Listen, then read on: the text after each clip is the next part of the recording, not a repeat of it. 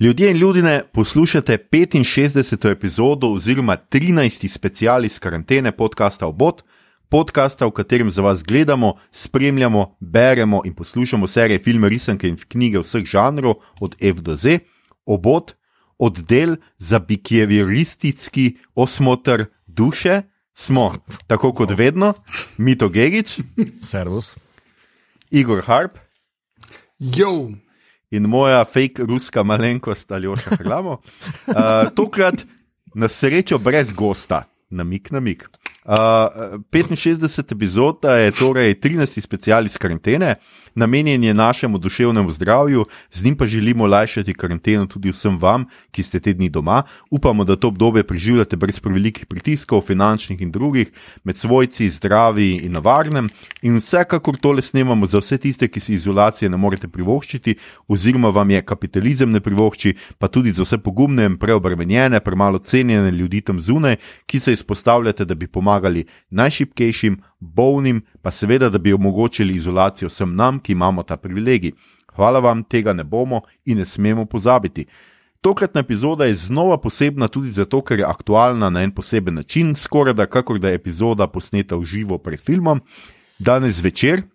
Ob 23 in 10, se pravi 10 minut čez 11, si lahko namreč na RTV Slovenija pogledate nov film iz njihovega cikla znanstveno-fantastičnih klasik in sicer je tokrat na sporedu sovjetski film Solaris iz leta 1972, ki ga je režiral mojster filma Andrej Tarkovski. Govorili pa bomo seveda tudi o literarni predlogi za film, romanu Stanislava Lema, pa o njegovi ameriški ekranizaciji. Film ste nam pomagali zbrati na družabnih omrežjih, vi zato se vsem še enkrat zahvaljujemo za sodelovanje.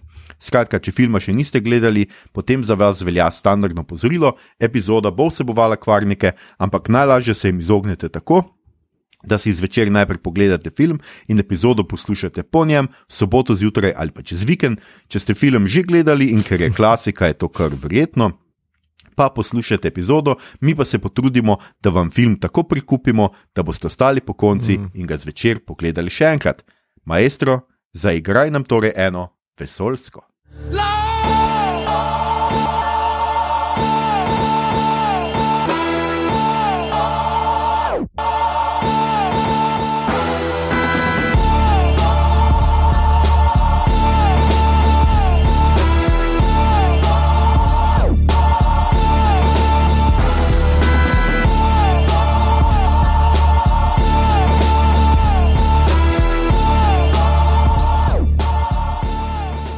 Skratka, medtem ko ste vi poslušali intro, smo mi odpravljali še zadnje tehnične težave, še dobro, da torej res nismo v živo.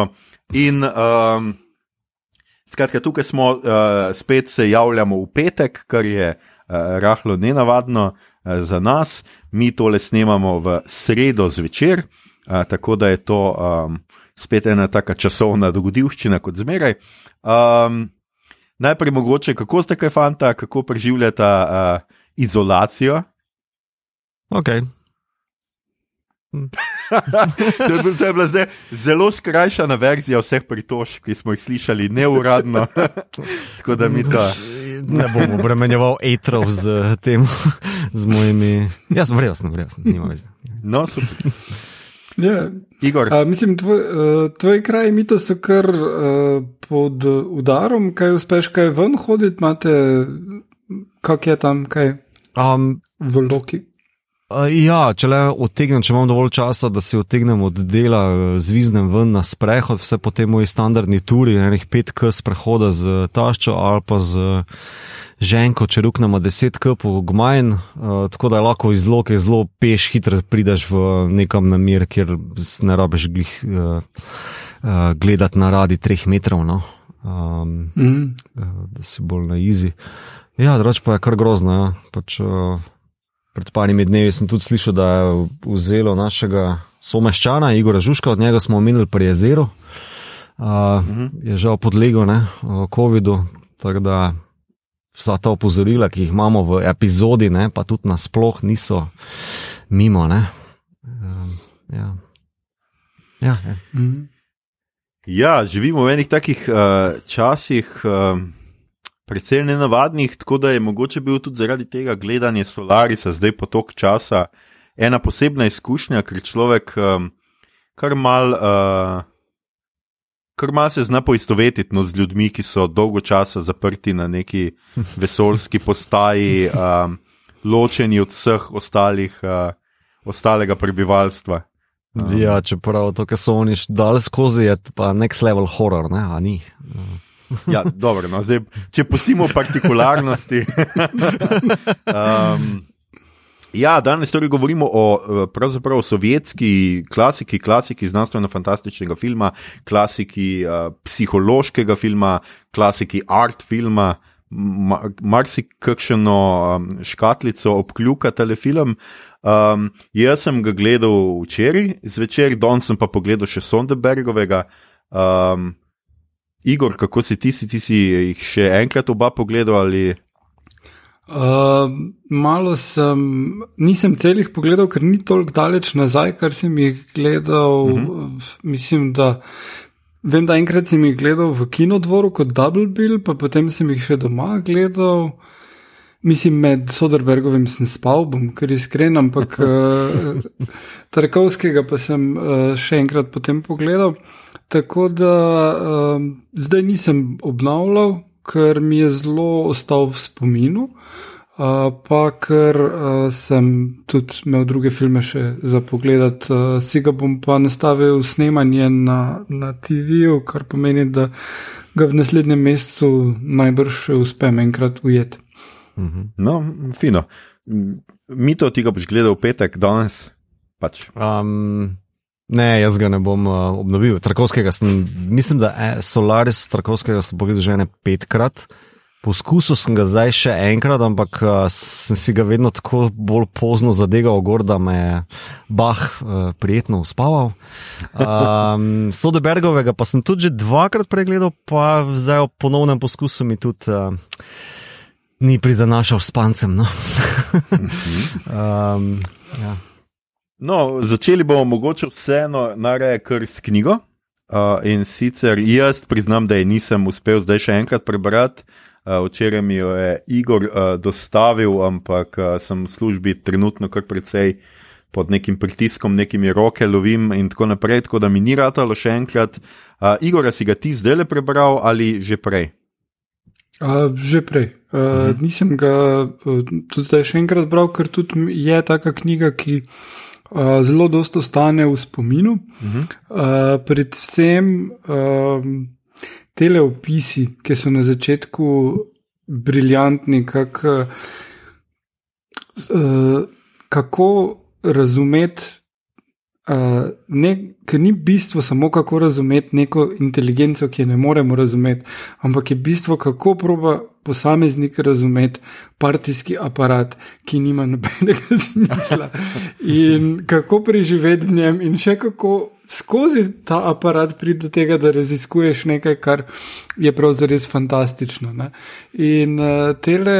Uh, Te, te opisi, to, to je bilo meni kar uh, genialno. In uh, je ena taka šola, ki v bistvu, zdaj jaz sem odraščal še v socializmu, recimo tega, ampak ni bil on ta nahard, pa vsekakor ni bil sovjetski in nivo absurda ni, ni dosegal tega, kar je tu noto pisano. Mm. In to, kar je tu noto pisano, je bilo dejansko nekaj, kar je bilo spremljivo za partijo, da je šlo skozi, kar se mi pa spet zdi prav mm. uh, fascinantno. Zdaj med uh, filmom. Med pravzaprav vsemi filmi in knjigo so uh, pač določene uh, razlike ki uh, večinoma grejo na to, pač um, na fokus, kje je pravzaprav fokus uh, njihovega raziskovanja, in pa seveda mogoče kakšne, uh, kakšne lastnosti teh uh, prividov, ali kakorkoli hočemo imenovati, niso ravno prividi, no, ampak uh, so, so drugačne. Um, boš mogoče, Igor, a si ti? Uh, se mogoče spomniš, kaj so največje razlike uh, za te med filmom in uh, knjigo, romanom? Uh, Tarkovski ali uh, Soderberg, Tarkovski. Ne? Začnimo kar s Tarkovskim, ja, pa bomo uh -huh. potem na koncu.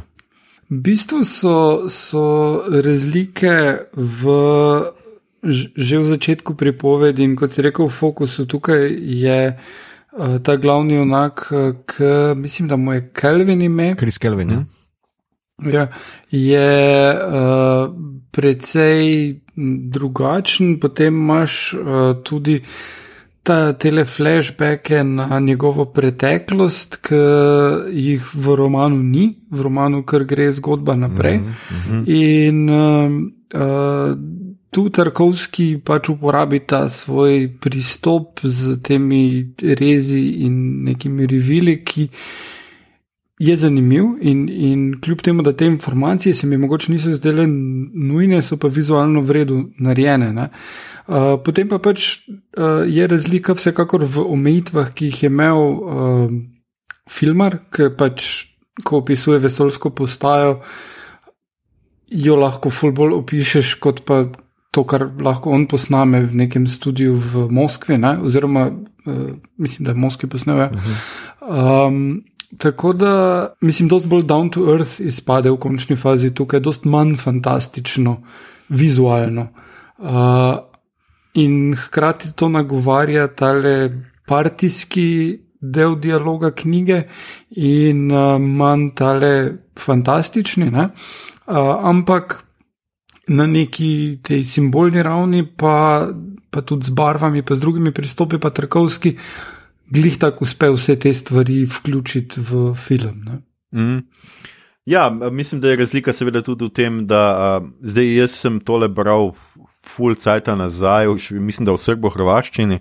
Uh, tako da nisem zdaj le, če, če vas seveda zanima, knjiga je bila, roman je bil nedolgo nazaj, v resnici preveden v slovenščino, leta 2010 je v mhm. prevodu Tatjana Jamnik izšel pri uh, uh, založbi Police Dubove. Uh, Um, skratka, hotel sem samo reči, da je ta razlika tudi v tem, da se tam zelo velik, veliko bolj nekako ukvarjajo z temi prikaznimi gosti, uh, dajmo jim reči gosti, kot pravijo v takovskem mm -hmm. filmu. Uh, Bolj ukvarjajo z njimi kot z nekim zunanjim dejavnikom, medtem ko pri Tarkovskem se vse bolj vidi, da je stvar pomaknjena v notranjost in da gre pravzaprav za neko psihološko uh, borbo ali pa psihološki dvoboj ali pa neko psihološko razklanost v samem subjektu tega uh, Kelvina. Uh -huh. um, skratka, to. Pa uh, mislim, da uh, zdaj na tej točki bi jaz povedal samo še to. Jaz sem si zdaj um, pri, pri pripravah na tale pogovor uh, prebral en cel članek, ga bom dodal spodaj uh, o tem, kak, uh, kako je potekal sestanek med Lemom in Tarkovskim. Uh, Lem se je pripeljal namreč v Moskvo, uh, in po njegovih besedah je bil tam šest tednov, kjer se je pogovarjal, pač kako, kako naj bi se posnel tale film. Potem je Tarkovskemu rekel: Durak, to je v ruščini idiot, in šel domov. Um, skratka. Uh, Milo rečeno, Lem ni bil navdušen nad um, vsem, kar sta mu Tarkovski in uh, njegov soscenarist povedala o, o filmu, kakšen bo. Um, je pa mogoče Tarkovskega danes tam nekje v nebesih tolaži to, da je Lem. Um, Podkasneje za ameriško verzijo rekel, uh, in jaz sem mislil, da je, bil, da je bila tarkovskega, verzija Tarkovskega slaba. okay. Kratka, um, Ampak eh, nasplošno pravi, da je bil precej težak človek, tako nergač uh, in tako. Uh, tako da mogoče niti ni bila poanta v tem. Je pa seveda pač tudi to, da je Tarkovski absolutno ni. Nobena knjiga pač ni ista kot film, oziroma noben film ne more biti isti kot knjiga. In jaz mislim, da tle pač, če pisatelj za to nima razumevanja, se lahko zgodi uh, pač marsikaj. Uh, in ja, mogoče pač uh, najbolje, da kar gremo k filmu, ki si ga boste danes zvečer lahko ogledali. Uh, predtem je sicer bil posnet še, en, uh, še ena prva ekranizacija, pravzaprav iz leta 68. Um, režirala ga je Lidija Išimbajeva in uh, Boris Nirenburg. Strežirala, to je bil nek TV film, ki, za katerega pravijo, da je precej uh, podoben, da je bil precej blizu pravzaprav uh, neka verna adaptacija, bolj verna adaptacija um, romana. Mi bomo pa danes govorili, seveda, o štiri leta kasnejšem, a, poznejšem filmu iz leta 72, kjer v glavnih vlogah a, nastopata Donata Zbanjonis in Natalija Bondarčuk. Um, skratka, Uh, Solaris, uh, Tarkovskega, to ni tar Tarkovski, uh, skratka, ne gre za risanko. Um, Gre pa za en zelo zanimiv film, in mogoče, Igor, boš ti poskusil uh, na kratko povedati, uh, o čem gre ta le film. Ja, seveda. Uh, na, na kratko je zgodba o tem, da um, ljudje raziskujejo vesolje in pridejo do enega planeta, ki je cel planet ocean. Ampak znotraj tega oceana ugotavljajo, da je morda neko življenje, ker se v valovih neke stvari pojavijo. Um, in najverjetneje je živo bitje ali celotno ocean, če ne celo celoten planet. Te manifestacije pa uh, se prikazujejo ljudem, ki uh, jih morda sumijo, da ta inteligenca Solarisa uh, zazna. Potem tam naredijo pač vesoljsko postajo, ki dolga leta preučuje uh, ta planet in uh, ne pride do nobenega zaključka, uh, na kar je tam pač cela štala in pošljajo tega doktorja Kelvina, da uh, gre raziskati, kaj se dogaja in ko on pride tja, je tam pač uh, celoten rastur sistema. Uh, in izkaže se, da ljudje, eh, ki so tam delali, se jim je začelo mešati zaradi izolacije, zaradi gostov, ki se pojavljajo, eh, ki jih na nek način planet ustvari neka bitja, ki pridejo in se uh, interaktirajo, mislim, ljudi, ki so pa osebe iz preteklosti teh ljudi, ki so gor. No? Mm. In ko pride ta Kelvin gor, vidi svojo uh, bivšo ženo uh, in uh, se mu začne prikazovati, in on jo proba beg spraviti, se znova pojavi in potem ta njun odnos je uh, fokus potem filma. Uh, in potem pride do globokih zaključkov, na koncu zelo uh, pač metafizično vse skupaj. Um, ampak uh, ja, to mislim, da, da je kar nekako povzetek ja. te zgodbe. No. Uh, zdaj v knjigi je še ful več tega, kako partijski sistem na vse skupaj gleda. Um, Kako morajo oni poročati tja, kako ne razumejo tega, kar imajo zapovedati.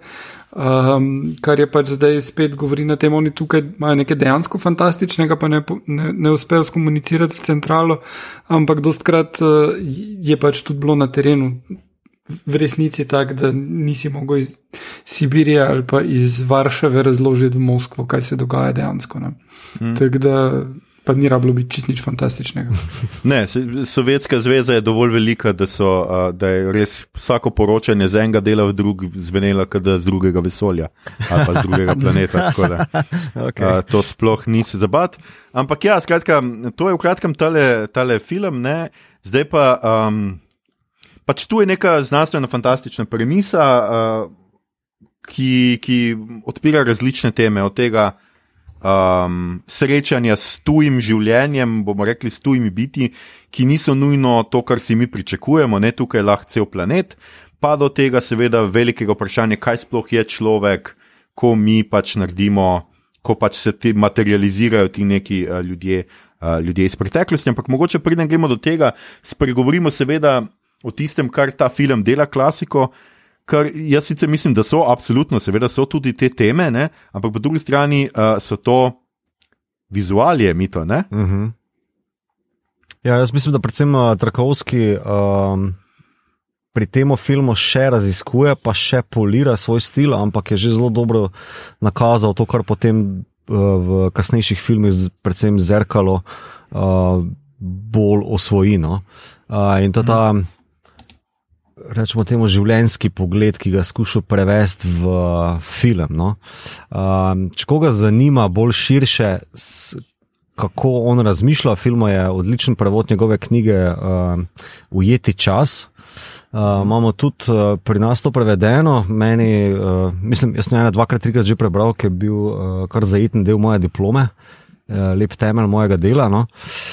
Skratka, kar Tarkovski skuša narediti, je, da pač neko določeno premiso, to znanstveno, fantastično ali predvsem duhovno, ne, uh, skuša čim bolj narediti čutno nazorno. Ne.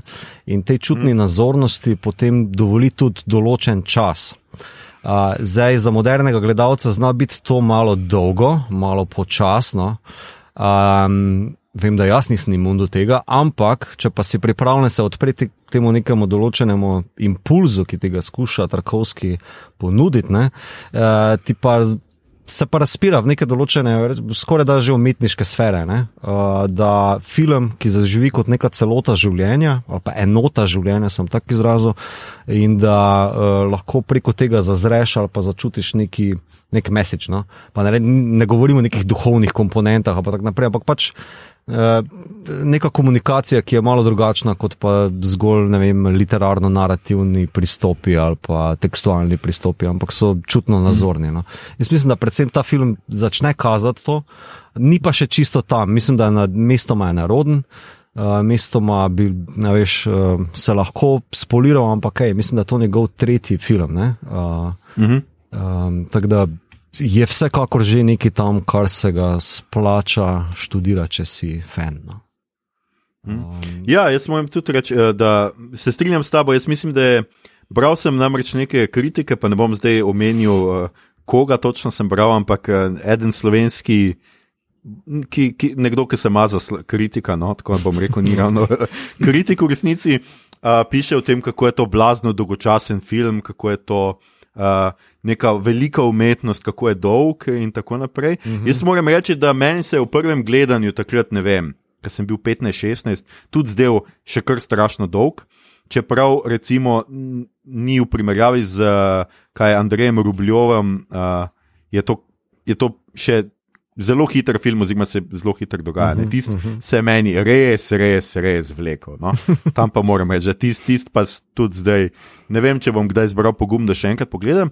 Ampak tukaj, zdaj, ki sem gledal pred dvema dnevoma, recimo. Hm, Se zelo strinjam z nekaterimi drugimi kritiki, ki sem jih bral zdaj le te dni, ki omenjajo to, da kako ti te sekvence pravzaprav dajo misliti, uh mhm. -huh. kako si vzameš tukaj kot gledalec čas in začneš razmišljati o nekaterih stvarih, kaj je bilo prepovedano in kako pravzaprav ta, um, ti prizori pravzaprav postanejo neka, um, ne samo v resnici. Um, Zbiralec ali pa arhiv nekega tvojega mnenja, pa nekega spomina na to, kar se je dogajalo pač predhodno, ampak so hkrati seveda tudi neko zelo jasno vizualno, uh, uh, vizualno sporočilo teme, filma. Uh mhm. -huh. ja, pač jaz bom za zmeraj in tako kot je napisal, čak zdaj, da pa tole bom pa prebral.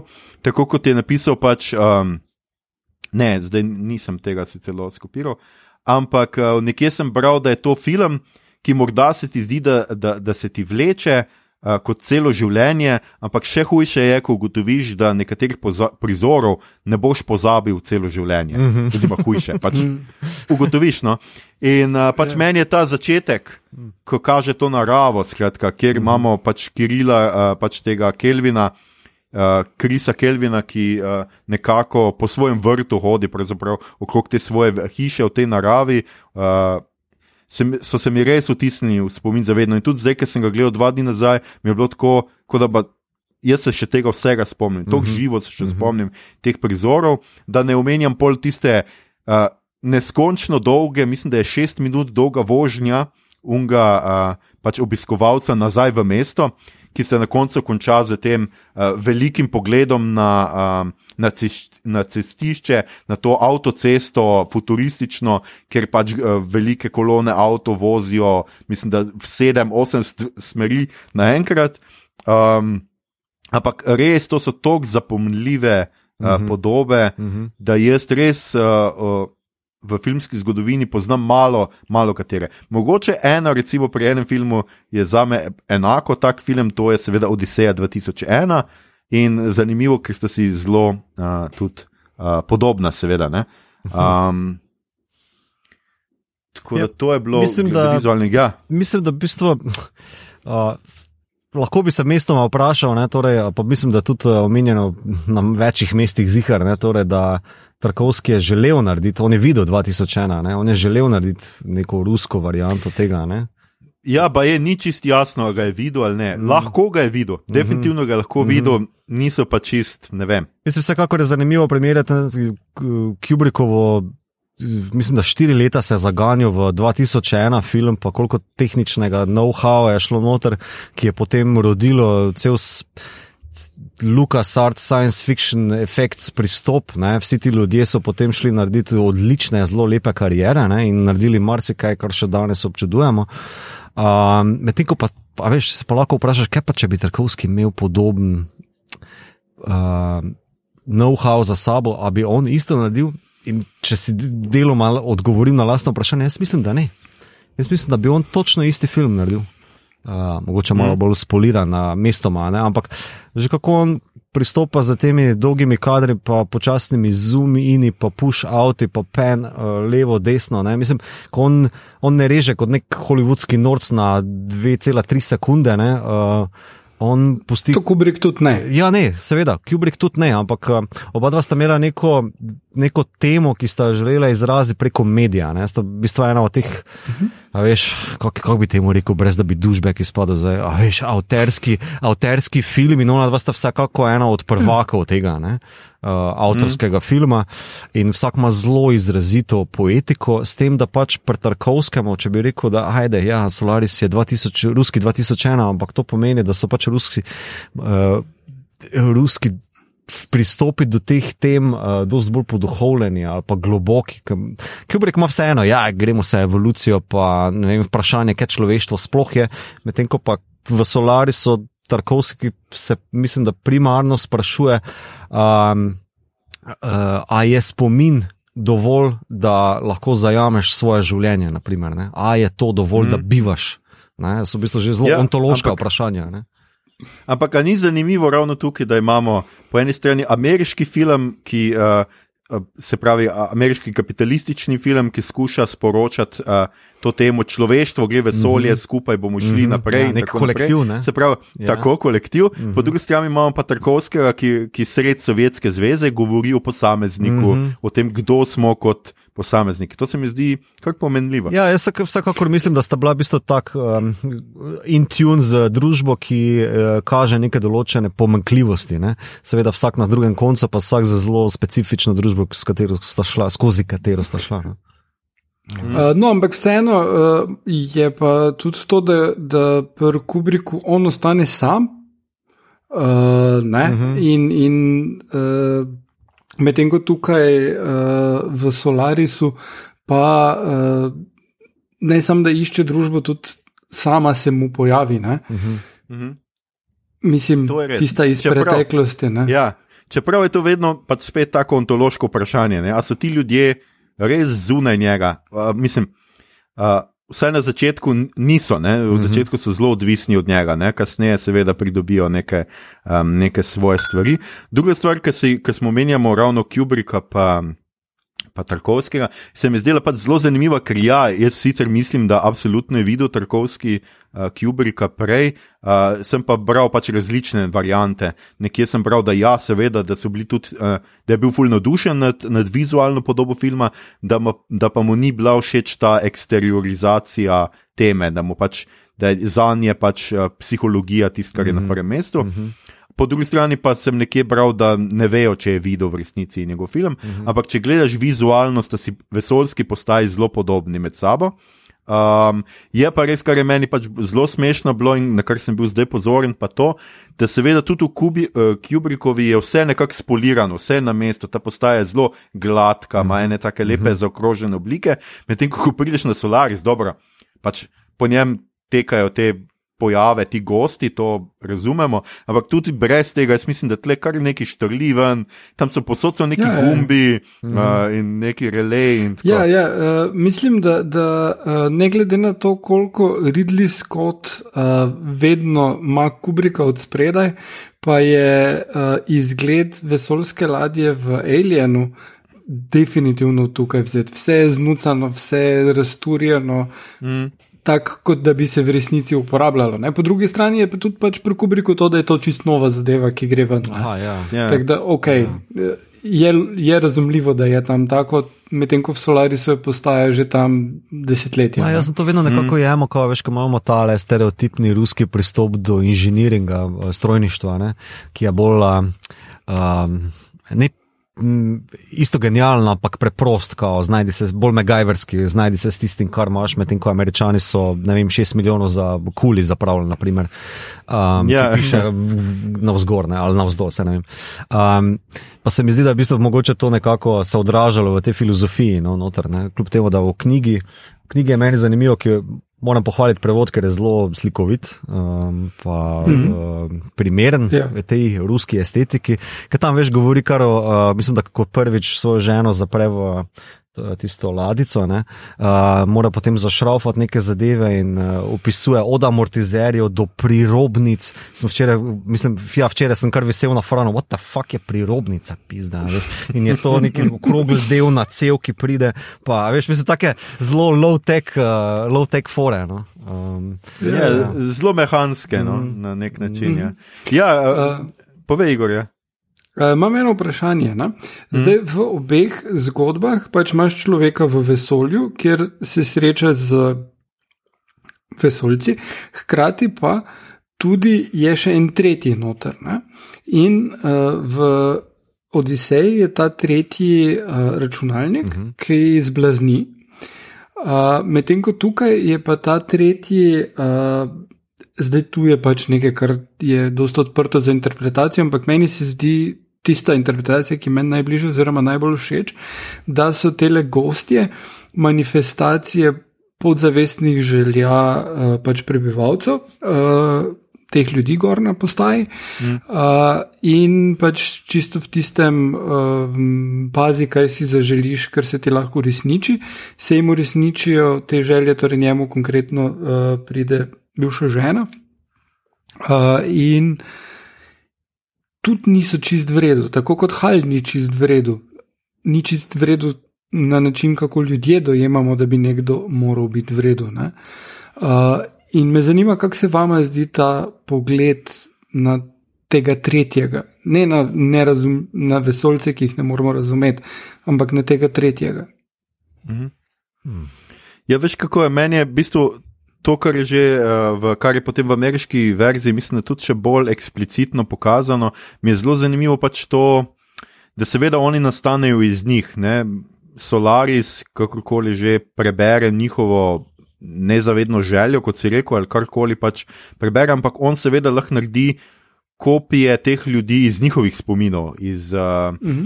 iz tega, kako so oni dojemali njih. To niso ti ljudje, ne? ti ljudje nimajo, vsaj na začetku, um, nimajo neke svoje lastne osebnosti, ne? ampak samo so kopija tega, kaj so oni tu- Tukaj se postavlja pač super vprašanja, ki so meni pač blazno zanimiva.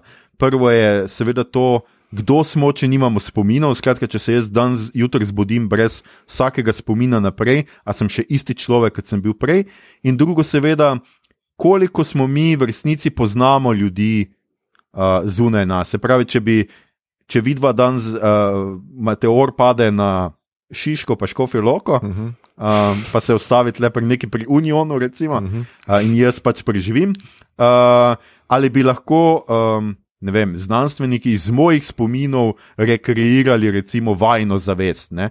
oziroma kako. Kakšna približka bi vidva bila te, moji predstavi o vama. Hmm. In to se mi zdi pač uh, pri tem zelo zanimivo, in tu je pač, jaz mislim, da največji problem. In uh, kar nekateri izpostavljajo, je seveda, da se potem Kelvin lažje, uh, da je Kelvin mogoče v preteklosti imel velike, večje težave z uh, svojo ženo, kot jih ima zdaj, kar je malo mogoče ta moška želja, zato ker je ona v začetku seveda zelo podobna tem njegovim predstavam, po drugi strani pa ona seveda um, od tiste točke, ko se prikaže tam, začenja biti nek svoj človek, ne? neka svoja, uh, ki je tudi zelo drugačen od tiste njegove žene, kar je seveda logično, druge okoliščine, on je drugačen in tako naprej. In tako naprej. Mhm.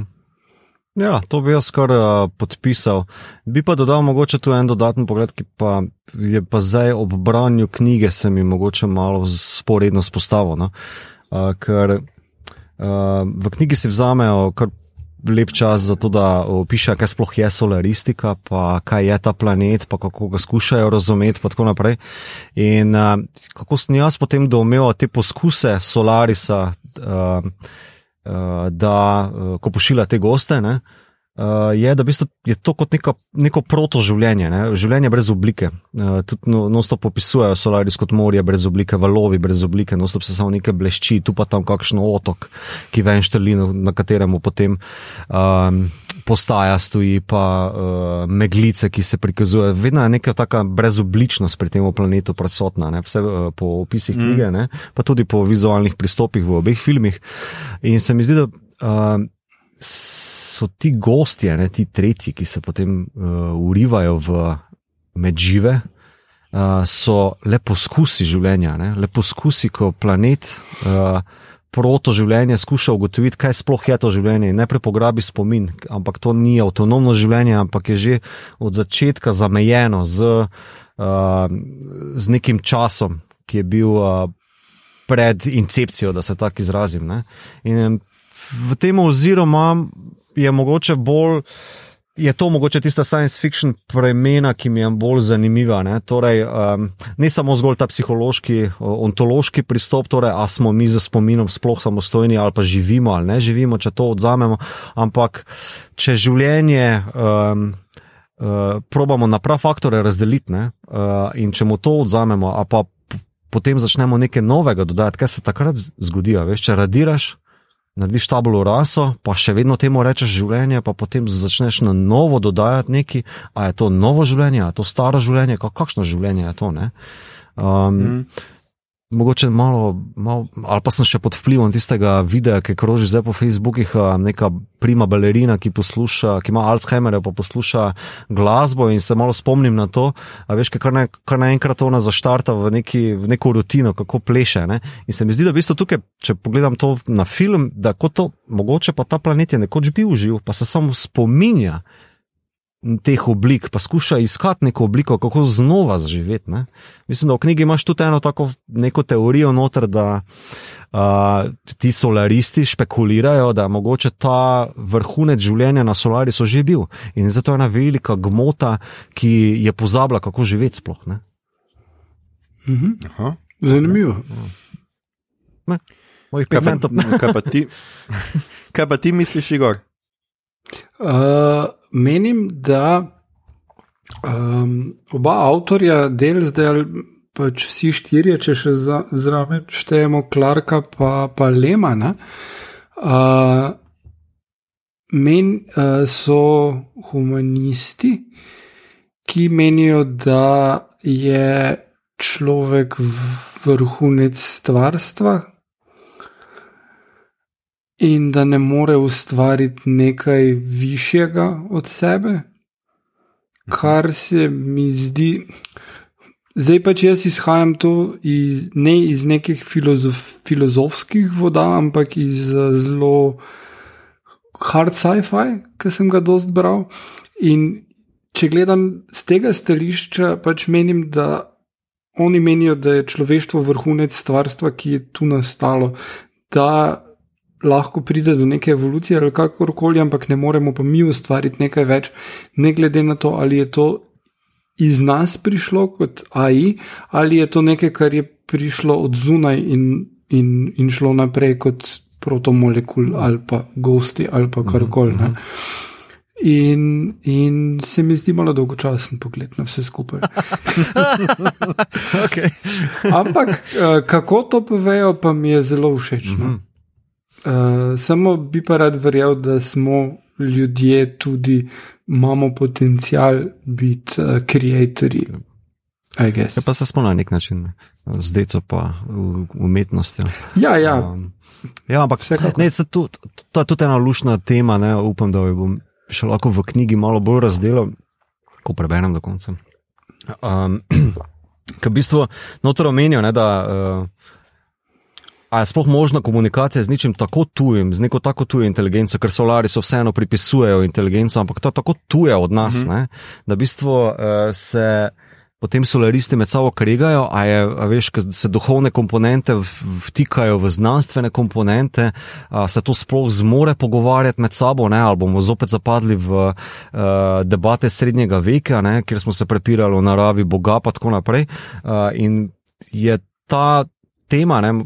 Predvsem tarkovska tema je to, ne, se meni zdi, ker on ima to zelo visoko postavljeno, a je človek sam, a, a ga kdo posluša, ne, to je čist povzel po njegovem glavnem režiseru, ki ga ima najbolj rad, torej Bergmanu. Ne, um, V kontrastu s Kubrikom, Kubrik je malo bolj tukaj res ameriški, ne ateističen, um, ki gre za evolucijo naprej. Um, in to je mogoče ena zanimiva debata, ne, o, o, so, da pač, a se sploh zmore Eh, človek, uh, tudi če naredi nekaj več od sebe, ali pa če srek, sreča nekaj več od sebe, a se sploh zmoremo takrat pogovarjati s tistim nekaj več. Ne? Um, mm. Mislim, že danes imamo probleme z kodom, niti ne AI-om, ampak algoritmi, razumeti mm. uh, ta tekst, ne? kaj šele, da bi razumel neko čutečo stvar. Ne? Um, mm.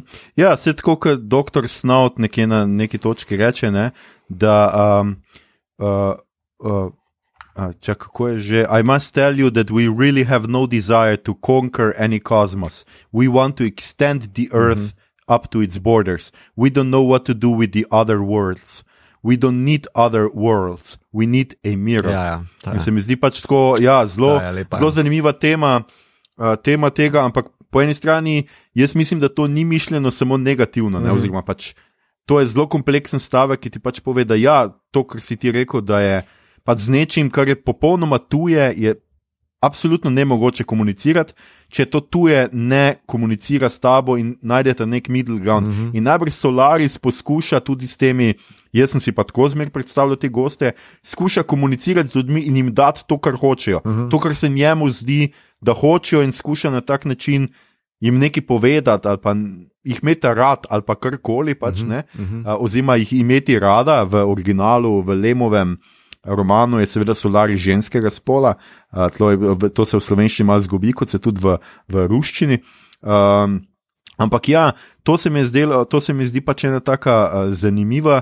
Premisa, hkrati seveda izvemo, ne, da pač zato, ker oni znanstveniki na te postaji ne razumejo, kaj se dogaja, bi naraj kar zbombardirali uh, Solaris. Uh -huh. uh, in pa mislim, da ta tema spet odlično odseva v vizualijah, ker imamo na začetku naravo predstavljeno kot nekaj tujega. V resnici te površine tega ribnika ali jezera ali karkoli pač je tam na začetku, zelo odsevajo površine Solarisa.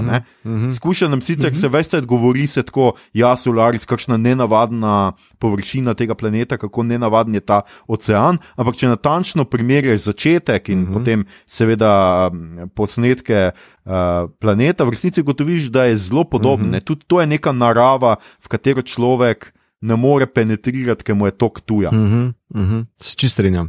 Tudi uh, uh, pomembno je se zavedati na začetku, če si pozoren, ne, da zraven te narave imaš uh, v bistvu vedno na sredino postavljeno močečega človeka, ki mu tri. Ampak mm -hmm. zraven ima nek magnetogram, neko pisalo, pa nič ne zapisuje, ker v bistvu ne zna razbrati, niti samo mu tri. Ne, dež pada po mizi z skodelico čaja, pa zgolj mu tri kelvin. Ne, niti, mislim, tako je odtujen, odlepljen od tega. Uh, kar je, mislim, da ena od štirih Marksovih odtujitev, uh, če gremo zopet na tale partijski komunistično kritiko. Uh, tako da, ja. ja, ja, ja. Odtujitev človeka od čaja je ena velika. Absolutno. ja, to se mi zdi pa zelo pomembno. Tudi na koncu, ko on pride v ta. Um, spet v to hišo, ki je zdaj malo druge, pa malo drugačna, pa gleda očeta skozi okno, znotraj gre dež. Skratka, je neka anomalija, uh -huh. ker mogoče Solaris ne ve čisto dobro, pomešal je mogoče spomin. Uh -huh. uh, spomine med sabo, po drugi strani pa ja, kaže neko umeščenost narave, kar v nek zelo človeški prostor, uh -huh. kar se mi tudi zdi um, zelo, uh -huh. uh, zelo fino. Mogoče pa, stvar, sem jo hotel povedati. Ja. Samo na tem točki bi mogoče tu še zopet enkrat sporednico ali pa kontrast postavil z Kubrikom, ker se mi zdi, da v bistvu Tarkovski, potem, kar smo zdaj povedali, lahko oziroma zmore zareza zelo jasno ločnico med človekom in naravo. Ne? Kubrick se pa tega ne gre. Kubrick govori, je človek, ti si narava, ne? ti si ta sila. Ne? Kljub temu, da imaš zunaj neki X, neki kvadratni črni X, ki te žene naprej, ne? ki ti da nek boost, uh, ampak človeka non-stop postavlja v središče tega gona. Medtem ko tukaj v Trkovski pa ne, ne, mislim, da to je ena taka. Ja, možno, tam, tam je pač nekak monolit, če jaz prav razumem. Uh... Uh, seveda, Kubrick monolit prinese razum opicam ja. ali kar koli. Ja, pač, ja. ja. Domnevam ja. se pravi, da je razum uh, nekaj eksternega naravi. Uh -huh, uh -huh. Uh, uh, za, za lažje razumevanje uh, Odiseje je uh, Kub, ne, Kubrick uh, Clark potem tudi uh, napisal knjigo, uh, ki je tudi slovenčno prevedena in um, zelo preprosto razloži čist vse te stvari. Ali je morda tako? Ja, ja, je tako. no, uh, Igor, pa ki si že pri razlaganju, kako pa se tebi zdi konec, a si kadarkoli tuhtal o tem, da, da obstaja, mislim, obstaja več teorij, kaj konec pomeni, ne? kaj je pač. Tvoja najbolj simpel teorija, ali si privrženec najbolj simpel teorije, ali kakšne bolj zapletene, kaj je ja. končni prizor? Ja, mislim, Kalvin se bi lahko rekel, skoraj da vda v to, da sprejme Solaris in, in vse, kar mu ponuja, in gre not. In, in to not je hkrati not v vase, v spomine, ker itak je že zdavnaj obupal nad življenjem. Tako da to je to za njim je to v končni fazi vseeno happy end. Mhm. Ja, mislim, obstajajo seveda različne teorije, da je ta moški, ki je na koncu pač njegov oče, da je to Bog, da je to podoba Boga, kateremu se vrne, da se vrne k religiji. Čez to je imela Moskva kar nekaj pripomb. Ja, rekel, ja. Ampak, uh, ja, ampak Tarkovski nekako uh, se je pač odločil, da bo tako, kot pač je, se zaključil. Hkrati eni govorijo, da ne bi šlo pač tako, kot ste rekli, za to pomiritev. Kot vidimo na začetku z očetom, nimata glih najbolj tako nekega pristnega odnosa, tukaj pa poklekne preden in se, in se nasloni na njega, oziroma mu uh, glavo por, položi v mednožje, dobesedno. In je pač en tak, pač neka vrnitev ali pa nek poskus, mogoče da potem, ki je svojo ženo nekako poskušal rešiti ali pa preboleti stvari, neke, da bo tudi z očetom pač karkoli uh, sta pač imela. Mm. Mm. Nekateri drugi pa seveda pravijo, da je že on na začetku iz Solarisa. Ja, Skratka, da tisto, kar mi vidimo, da pač da ni, ker to njegovo potovanje traja nekam kratko. po vesolju do, do tega Solarisa. Niti ni nikoli uh, pojasnjeno, kje ta Solaris je in, in nič od tega. Kaj pa če je, ajde, kaj, grem, bom zdaj malo speedballov tukaj. K, k, k, in v Sodebergovem, pa v knjigi, mislim, da je pač za ženo tudi problem, ki ona zanosi, uh, imam prav, ne? pa splavi potem. Uh, v Tarkovskem tega ne, ni. V Tarkovskem tega ni. Ja. Zima, mislim pa, mislim, mislim da, pa, da je v knjigi, no, če se ne motim. Uh, zdaj pa, če gremo na to logiko, da pač. Uh, Solaris na vsak način uh, skuša biti demiurg, nekaj ustvarja, no, stop neko življenje, ki ustvarja. Uh, pa tudi, če mi naša življenja skušamo analizirati na ta način, kako dosežeš nesmrtnost, ne, je torej uh, reprodukcija, ustvarjanje ali pa spomini, to so tri pristopi. Uh, in Kelvin, vse v knjigi, pa v Sodebergovem, um, se opira ti neki kreaciji, no stop. Ne? V bistvu tudi očetu se opira, on je njegov ustvarjalec. Ženi, ki je zanosila, pa spravlja, pa se dne opira, pa uh, mislim, da ne vem, je želel otroka ali ni. Skratka, na koncu se mogoče zdi, da se vda v to, da v bistvu kao prizna svoj poraz pred edinim ustvarjalcem, ki ga je poznal. A veš, um, eh, maybe. Ja. Spet bowling, spet bowling here. Legitimno. Um. Ja. Ja, no, no, jaz sem hotel edino še reči, da pri Tarkovskem, kar je mene mogoče malo zmotilo, ni toliko dolžina teh stvari, uh mhm. -huh. kar me malo moti, pa kar skuša uh, mogoče potem ameriška verzija popraviti. Rekel, je pa pač ta razlika med. Uh, Da vseeno so tukaj osebe, karakteri v Tarkovskem zelo modernistične, v tem pomenu, da seveda pride Kelvin na to postajo in se zelo hitro neha spraševati. Ne? On zelo hitro opusti ta znanstven um, racionalni um. Kdo je ta oseba, kaj je, ali me skuša prevarati, on kar pa nekako prevzame. To kluni v, v ameriški verziji nekako dlje, se mi zdi, se upira temu in skuša nekako neko realistično psihološko, oziroma Sodeberg neko realistično psihologijo uvede v film, čeprav tudi kluni potem to zelo hitro zapade pod čare svoje bivše žene in si želi samo ostati z njo in uh, verjame, da je pač ona, uh, mogoče ne njegova bivša žena, ampak njena nova reprodukcija, ki je zelo. Ki je pač ima neko svoje življenje in on ga hoče deliti z njo. In na koncu mi je uh, pač to pri Tarkovskem malo to, ker se mi zdi, da uh, Tarkovski zelo dobro upelje en suspense. To je uh, film, mislim, ko on pride na vesolsko postajo, to deluje zelo kot grozljivka. Uh mhm. -huh. In precej mhm. boljš, ker kluni vidi tam razno kri, ne vem kaj, madeže, ne vem kaj.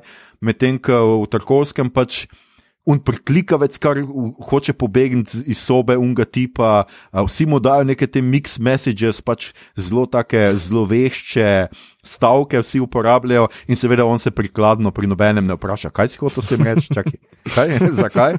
In tako, to me pač malo moti, malo ta diskrepanca med tem, da po eni strani je tle en suspense, s katerim se včasih zdi, da ga ni vedel, kaj početi. Um, pravzaprav.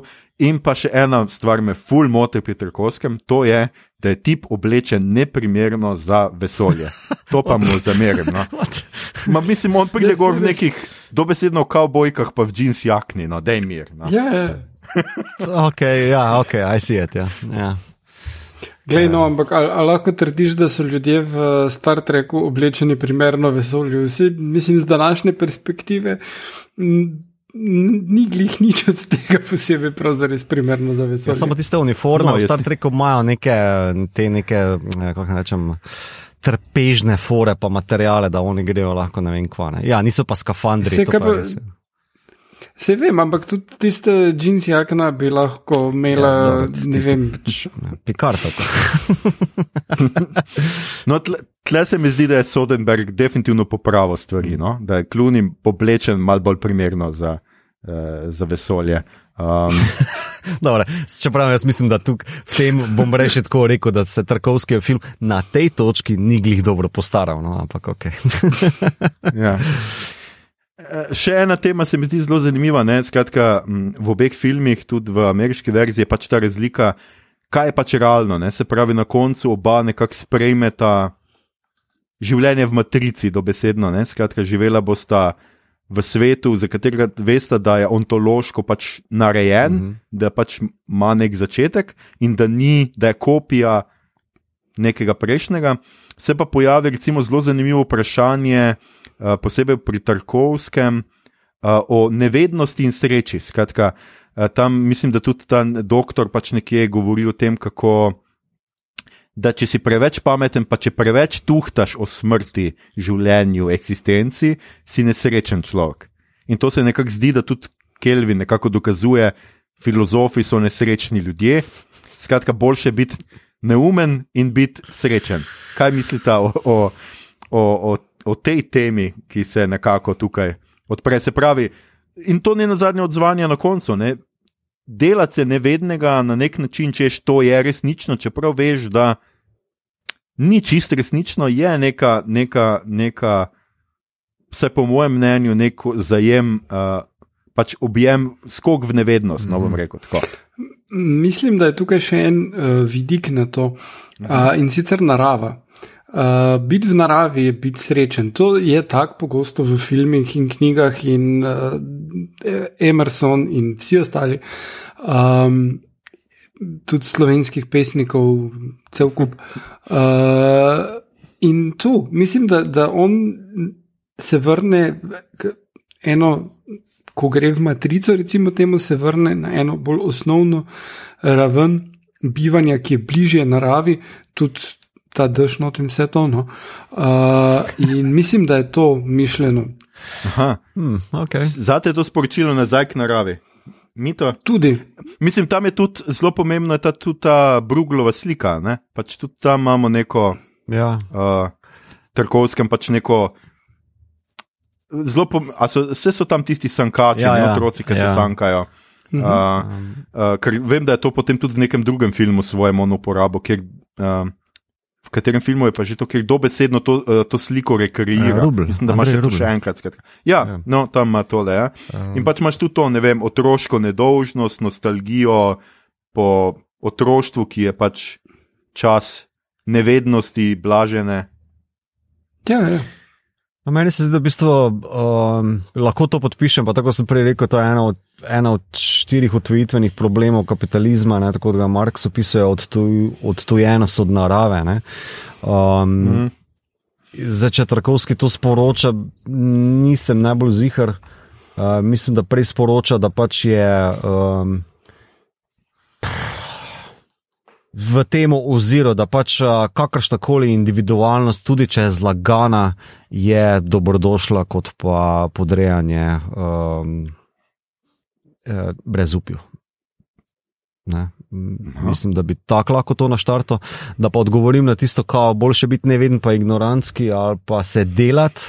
Uh, Pa biti srečen, ali kako nekako tako si rekel. Ne? Jaz mislim, da ni možno to. Mm. Jaz mislim, da nevednost pa sreča gre ta samo z roko v roko, če ti ne veš, da si uh, neumen. Pa, Aha, ja, neveden. ker če pa ti veš, da si neumen, ne moreš biti srečen. Jaz mislim, da po defaultu, pa se delati potem je to tudi izvor tvoje nesreče. No? Mislim, da ne gre.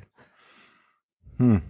Mogoče imaš prav, mogoče influencerji res ne vejo, da so neumni. Jaz mislim, da ne. Da ne. In še celo več fotografirajo svojo nevednost. No, mogoče še zdaj, kakšno oh. minuto, eh, vseeno povemo še kaj o Sodenbergovem eh, filmu. Ta je iz leta 2002, v glavnih vlogah sta George Clooney in Natasha McElhone. McElhorn. Um, McElhone, ja. ne vem. Kakorkoli. Um, jaz se bom tle, jaz bom čisto na kratko, meni se pač zdi ta film, tako kot sem napisal, pa tako kot sem v resnici tudi prebral nekje.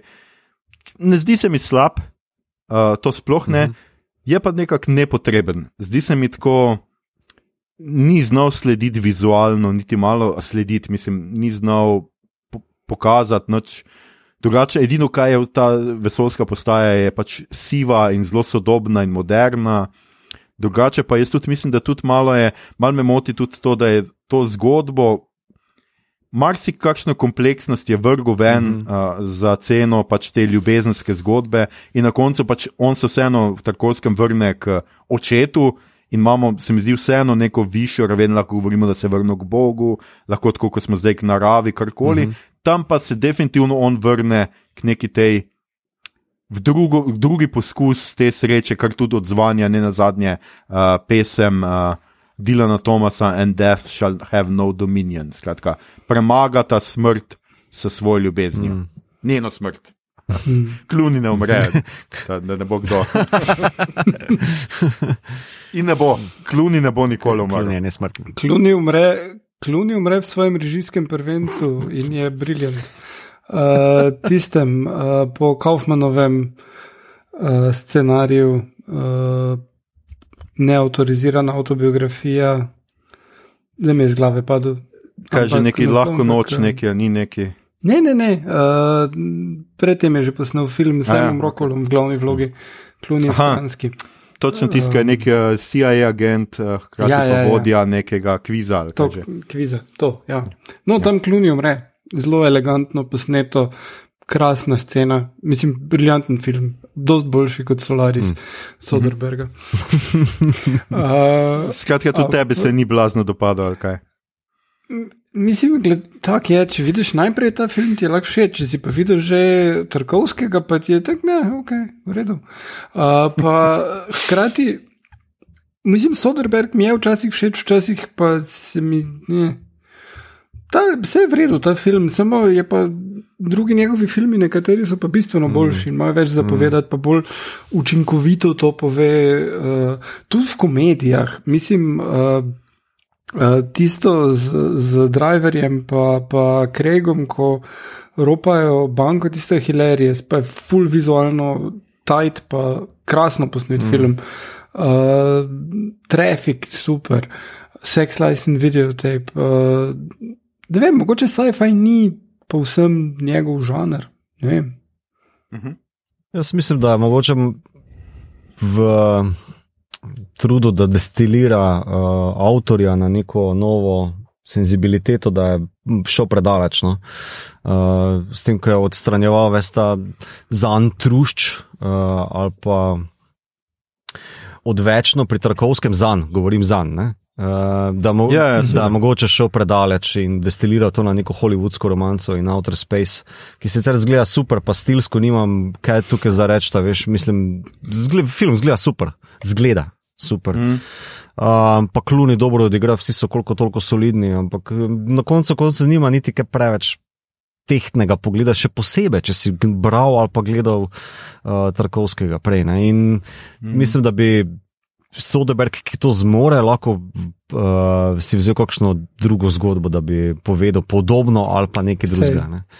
Tako da ni pa. Mm. Ni ja. pa, ne vem, ni pa čist za nič film. No. Mislim, da je čist solidno za ameriški sci-fi, ki tako rad hitro zapopade v neke preproste akcijade ali pa zgolj neko nabijanje, brezvezno. Mislim, v, v tem oziru, če ga postavim v ameriški sci-fi v konc 90-ih, začetku 2000-ih, je pa čisto ok. ja, no. Ja, mislim, ampak je pač Interstellar. Zelo tu. Zelo no. tam, ja. ja. Pač ja, ima ene par ful dobre ideje in, in lepo zgleda. Ampak na koncu pa tako, ja, ampak ljubezen je močnejša kot vesolje. Tak, Ja, ne. To, mislim, da je neka Res. tako unikatna ameriška tema, ne, v bistvu ta neko razmerje, ki ga imaš do svojih bližnjih, ne, ljubljenih.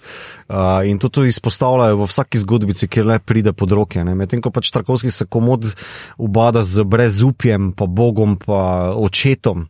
Um, ampak pač za američane je najbrž to bolj boring, ali kaj ne vem. No, uh, ne, uh, vsekakor je dosti bliže temu Ad Astra prišel. Ja. Mislim, nekemu sržu te zgodbe je, pride bliže eh, film Ad Astra, pa tudi ful bolj zgleda mm. še.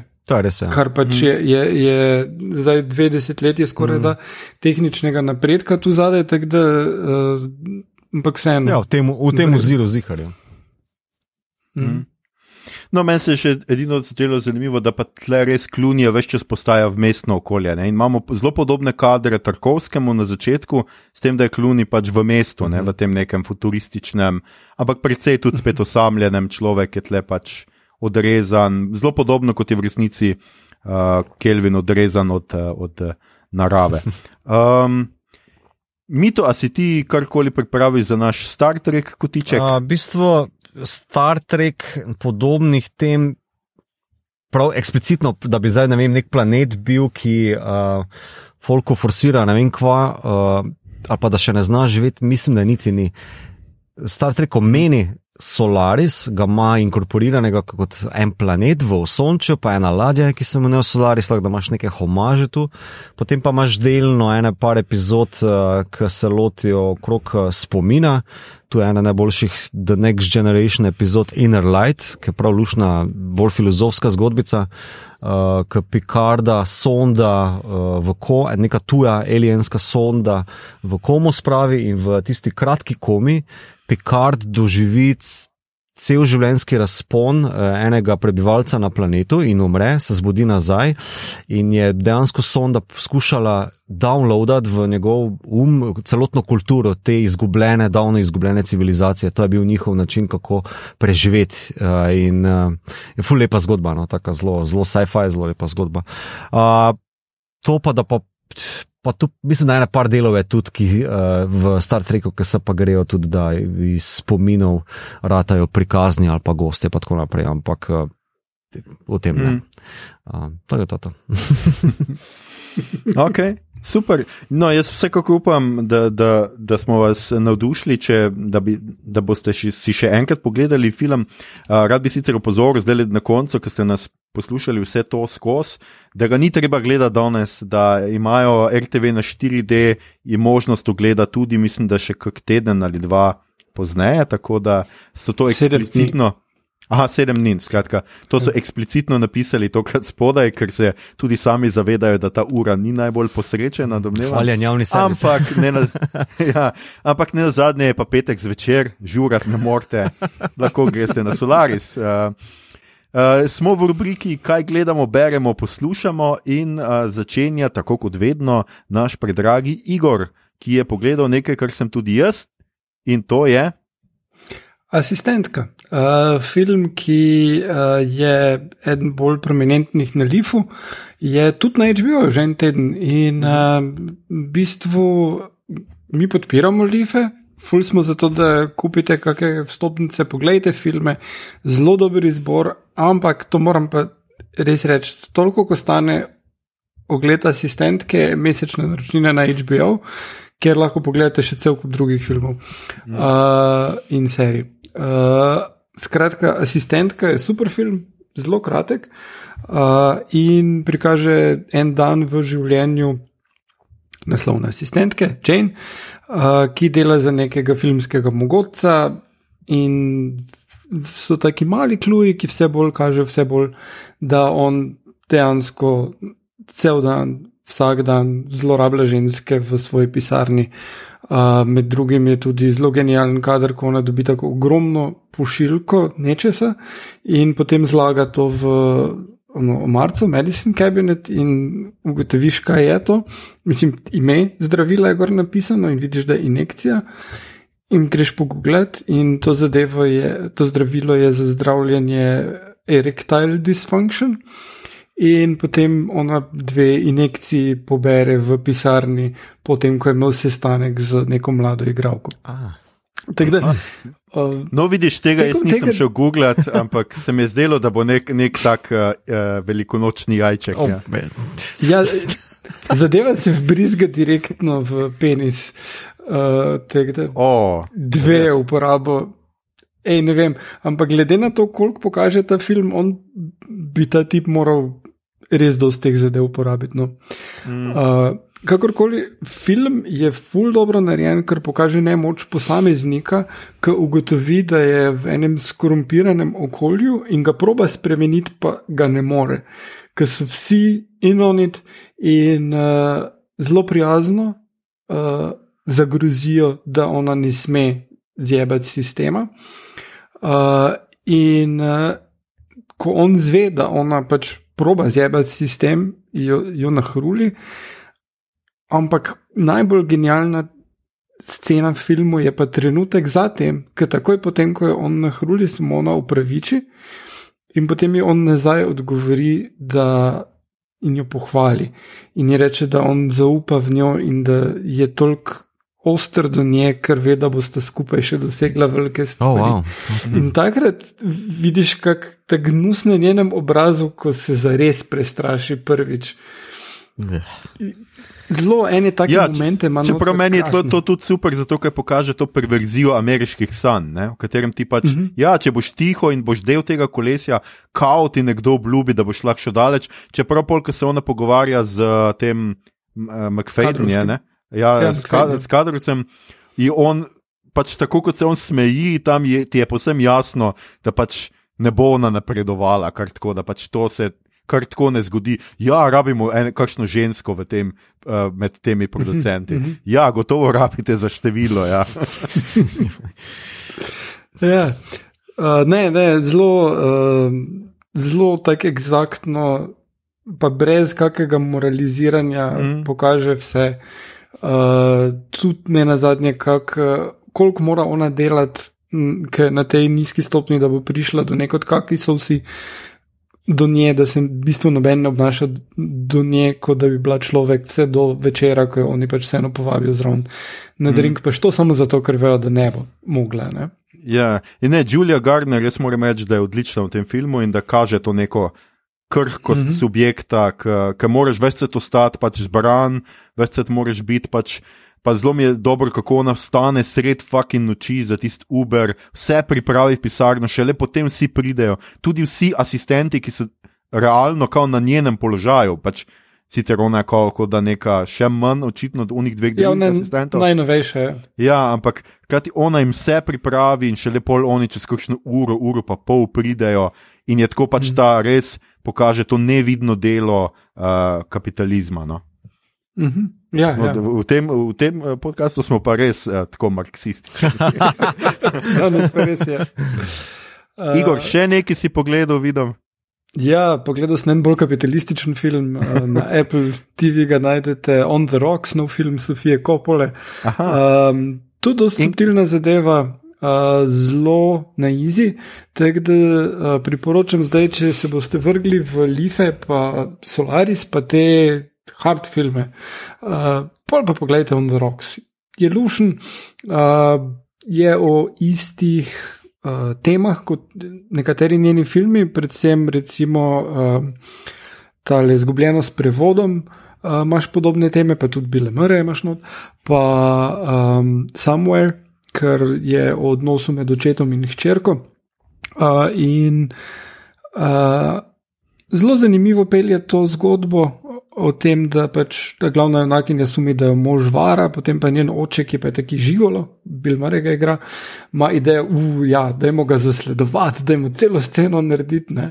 In uh, vodi v dost komičnih situacij. Uh, vseeno pa ne spregleda tega prikaza ženske, ki je pisateljica, ki pač ima zdaj dva otroka doma in se mora samo s tem ukvarjati, medtem ko mož ful potuje naokrog, ker je v nekem startupu, ki jim bo zdaj zdaj uspelo in jim ful vredo gre. In uh, pol pa je tak Bill Murray not, ki pa je res ono. Life of the party in krasno odigra. In tudi če vse ostalo spregledaš, se splača film pogledati že zaradi uh, Bile Moreja. No, nujno. No. Se pravi, je to njen novi izgubljeno s prevodom? Ne, izgubljeno s prevodom je malo boljši, čeprav meni se zdi dosta overrated. Uh, mislim, da Somewhere, pa Bling Ring, uh, pa Marija Antoneta so bistveno, bistveno boljši filmi. Uh, je pa izgubljeno s prevodom dobro odigran tudi. Mislim, Scarlett tam pokaže res eno visok nivo, no pa Bill Murray tudi. Ampak uh, mislim pa, da oni filmi imajo ful več zapovedati. Um, da, ja. no, se tlepa igra tudi Rashida Jones, tako da domnevam, ja. da to ni slabo. Ne? Ja, ja, rešida je super. Um, mm. Ja, seveda. Um, no, pa pogledal sem, ker tudi videli, da še niste, tako da bom še zdaj vama povedal. Pogledal sem uvodni uh, devetminutni film uh, Uvoda v Life, uh, v katerem igrata Brane Završan in Simon Popek.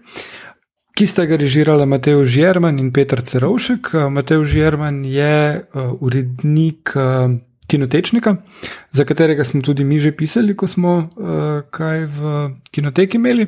Skratka, film uh, je zabaven, 9 minut traja in je omaž celemu uh, kupu velikih filmov, med drugim uh, tudi na enega bolj genialnih načinov, uh, Matrici kjer končno zvemo, kakšna je dejanska razlika med modro in rdečo. Oh. Tabletko, ki pa zdaj ne bom spojil, pogledaj. okay. Mito, ti si, zdaj, ti si tudi kar nekaj pogledal, vidim. Uh, ja, čeprav to so parcialni ogledi, um, ker so z, tri od tega so serije, en pa film. Uh, film je pa Iri. Uh, mislim, da je tajski horor. Ne, pardon, filipinski horor, na, če bi se na HBO to gledal. Um, osvežujoče, zanimiv, zato je malo razbremenjen uh, nekih teh klišejev ali pa vse uh, postopkov, kot se jih grejo američani. No? Um, je pa zgodba o uh, torej, uh, katoliški šoli za dekleta. Um, kjer se je zgodil, uh, zgodilo nekaj strašnega, nek umor, nek samomor. In potem, takoj na začetku, začnejo že dekleta uh, umirati, pa izginevati, in neka pedagoška delavka ima uh, toliko poguma in volje, da se tega loti malo bolj detektivsko, pa tudi uh, z komunikacijo direktno z duhovi poskuša razvozlati, pa rešiti uh, zadevo za vse skupaj. Je pa ful takšen uh, malo low budget pristop, ampak uh, ima pa zelo sveže pristope, no, da niso vse strahoskoki, ampak je dosti na atmosferi narejeno. Um, tako da prav lušni film ga priporočam. Uh, Potem sem še pa prav isto hmm. večer, ko sem tole pogledal na HBO. Začel gledati Folklore, je pa antologijska serija azijskega horora iz vsake države, mislim, da jih je šest. Um, in gledal sem prvega, um, ima naslov Vuvu, iz Indonezije, skratka. No. Um, In sem bil tako bizarno presenečen, ker sploh ni horor, ampak je socialna drama, kritika o materi uh, za svojim sinom, ki, s, obs, ki pristaneta na cesti in se preselita v neko bajto, polju pa začne zasledovati neki duh. Uh, ki je v bistvu materializacija zapuščene uh, ženske, ki ugrablja otroke, ki jih noben ne želi in jih izrablja za lastno preživetje, futre jih pa z iztrebki. In je tako, what the fuck, ampak veš, tako full bizarna, eksotična zadeva, uh, hkrati pa hardcore socialna kritika uh, džakartnega kasnega sistema, kako naj rečem, kapitalizma v Indoneziji in je tako, wow, noro. Uh, Uh, ful dobro posneto, zanimivo in ko me čakam za ostalih pet delov še eno, uh, upam, da bojo tako dobri kot tole. Uh, pol pa pogledal sem še Star Trek Lower Decks, uh, to je pa animirana serija iz uh, Star Trek Universe, ali kako naj temu rečem, zdaj po novem. Um, špasno, zelo me spominja na Rick and Morty, no, ker so liki podobno zastavljeni. En rahlo jebi veterski eh, glavni lik, ki se spušča v dogodivščine, in potem mlad Ensin, uh, ki bi pa rad, uh, mislim, tako boga boječi mlad Ensin, ki pa gre z njim, z njo na dogodivščine in zapade v, v razne vragolije. Um, ni pa čisto Rick and Morty, nima teh. Uh, tega istega levela komentarja ali pa hudomušnosti. Um, znotraj Star Treka je to zelo sveže. No? Pa potem uh -huh. spremljam zdaj redno Star Trek Discovery. Um, In je zelo zanimivo. No? Rečem, tretja sezona je full bizarka, uh, ker ima več podobnosti z uh, Farscapom, uh, eno tako sci-fi serijo v dva, začetku 2000. Uh, ki je pač v tretji sezoni za zgodbo postavljena v 31. stoletje, vse je v razčefuku, nobenega federationa več ni in se skušajo. Ta ladja in uh, Michael Burnham, uh, ta protagonist serije, znajti v tem novem, zelo divjem uh, okolišu in kako zopet nazaj spostaviti uh, zaupanje in diplomacijo med različnimi ljudmi. Evo, to je do zdaj to. Je pa tako zelo svež Star Trek, zelo drugačen Star Trek, tega, tega še ni bilo videti. No. Um, tako da mm. tudi imam zelo mešane občutke, ker vajen sem svojega šita, ki ga imam zelo rad, tole je pa tak, tako bizarno drugače, da ne, mu, mu sploh težko rečem Star Trek, ampak še vedno pa je Trek. No. Tako da. Ja. No, okay. Sliši se uh, zelo zanimivo. Um, no, meni je uspelo, skratka, zdaj zaokrožiti z DC-jem, uh, v mestnem oh, času. Res, končal je, da mu je na pol.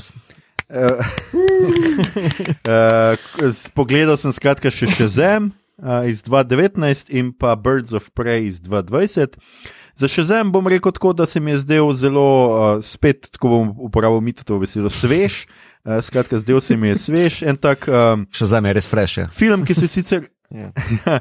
film, ki se ukvarja vem, z uh, najstniško nosečnostjo in družino, z tem, kaj pomeni biti zvezdnik, z odgovornostjo moči, kot Batman, ampak vseeno ostaja izredno pozitiven in uh, zabaven. Skratka, to mi je bilo uh, zelo všeč, je pa pač ta akcija zadnje pol ure precej uh, klišejska, repetitivna, CGI-ovska. In uh, v resnici je tako, da vsakeč, ko ti liki zaprejo usta, je bolj. to je res. Je. Postane zelo bolj. Uh, pač, ko, ko, tu, moram naskočiti. Ja. Ko, ko meniš fight scene, veš, če zemo, se tako spomnim one scene, ki se, se točeta nad nebotičniki, pa mu bad guy govori nekaj, on pa mu reče, kaj, stari, ne slišim te, to, ja, to, to, to, ta, ta še vedno zmaga. Ja, ja, ja. Veter pa tiha, pa dež je. Ja. No, skratka, ti dovtipi so mi bili zelo všeč, pa zelo tako en svež pristop, kako se norčevati superherojev.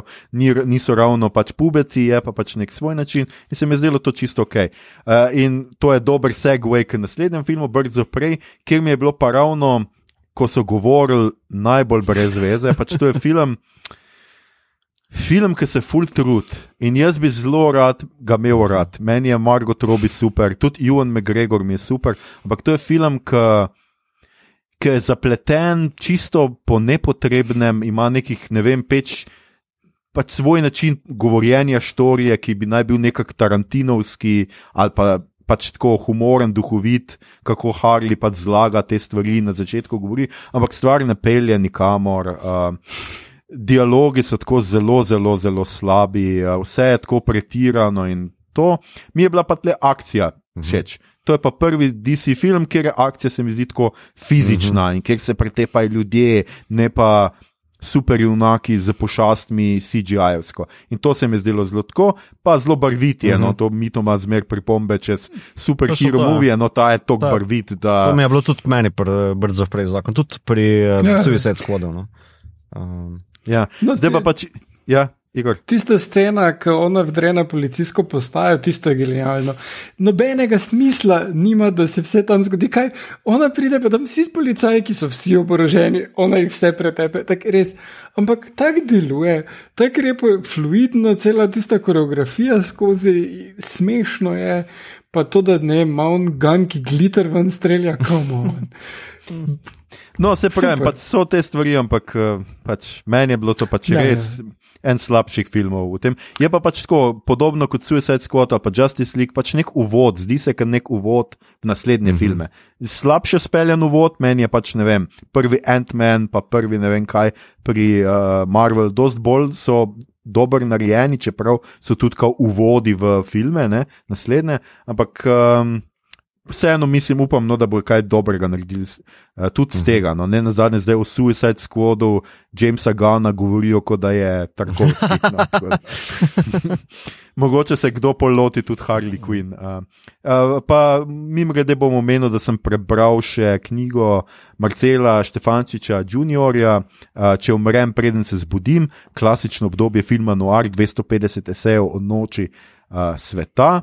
Uh, ne bom kaj preveč govoril o tem, ker sem napisal kritiko, ki bo objavljena v naslednjem ekranu in si lahko nabavite ekran in preberete tam.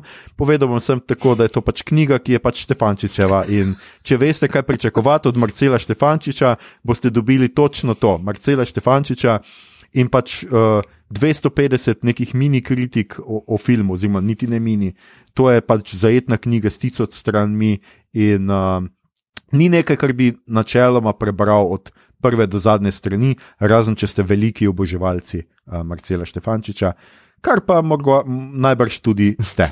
Um, to je to za ta denar. Zdaj veste. Um, če niste vedeli, zdaj veste. Ljudje in ljudje, eh, to je bila že naša 65. epizoda. Jaz ne vem, zakaj spet, če vedno presenečen pri tem štetju. Poslušali ste podcast, ki se oglaša na ime Obot, podcast za serije filme, risanke in knjige vseh žanrov od F do Z, ki ga gosti mreža Apparatus. Z vami smo bili, mito izpade v duš, Bek, Gigič. Igor, uh, igor slovenskih pesnikov, cel kup, kar. oh, to to si izbral. In Aljoša skok v nevednost, parlamo. Uh, tole samo epizodo malo, smo. Ja, samo Igor? malo. Eh, vidva bi tudi morala biti ontološka, oba. ker toliko krat, ko sta danes rekla ontološki. Čakaj, jaz sem samo enkrat, ali še trikrat, štirikrat, to je njegovo. Bom štel pol, ko se poslušam. Uh, Tole epizodo smo posneli preko spleta z naših domov, mi se čuvamo, upamo, da se vi tudi. S tem čuvate, ne le sebe, ne le svoje bližnje, pač pa tudi sosede, čuvamo se lahko samo skupaj, ostanemo skupaj, tudi ko smo narazen. Uh, če vam je bilo všeč, kar ste slišali, uh, širite, lajkajte naš podcast, naročite se nam preko vašega najljubšega appa oziroma ponudnika podcastov, dajte nam kakšno oceno na iTunesih, spremljajte platformo aparatu z odličnim izborom podcastov za vsakega. In če vas te dni, ob vsem, kar se dogaja in kar se ne dogaja, boli vaša slovanska, melankolična duša, lahko začnete preučevati venetsko teorijo in se znebite bolečin. To, da pazite, da ob tem ne izgubite duše. Skratka, pazite, da ob tem ne izgubite tudi duše, raje poslušajte podcast Obot, podcast, ki poboža vašo dušo ji bo. Moram še enkrat povedati, zdaj me samo motite. Raj poslušajte podcast Obot, podcast, ki poboža vašo dušo, ji podre kupčka, previje plenico in jo da Oh, spat. Jesus. to je totally worth it, sem rekel.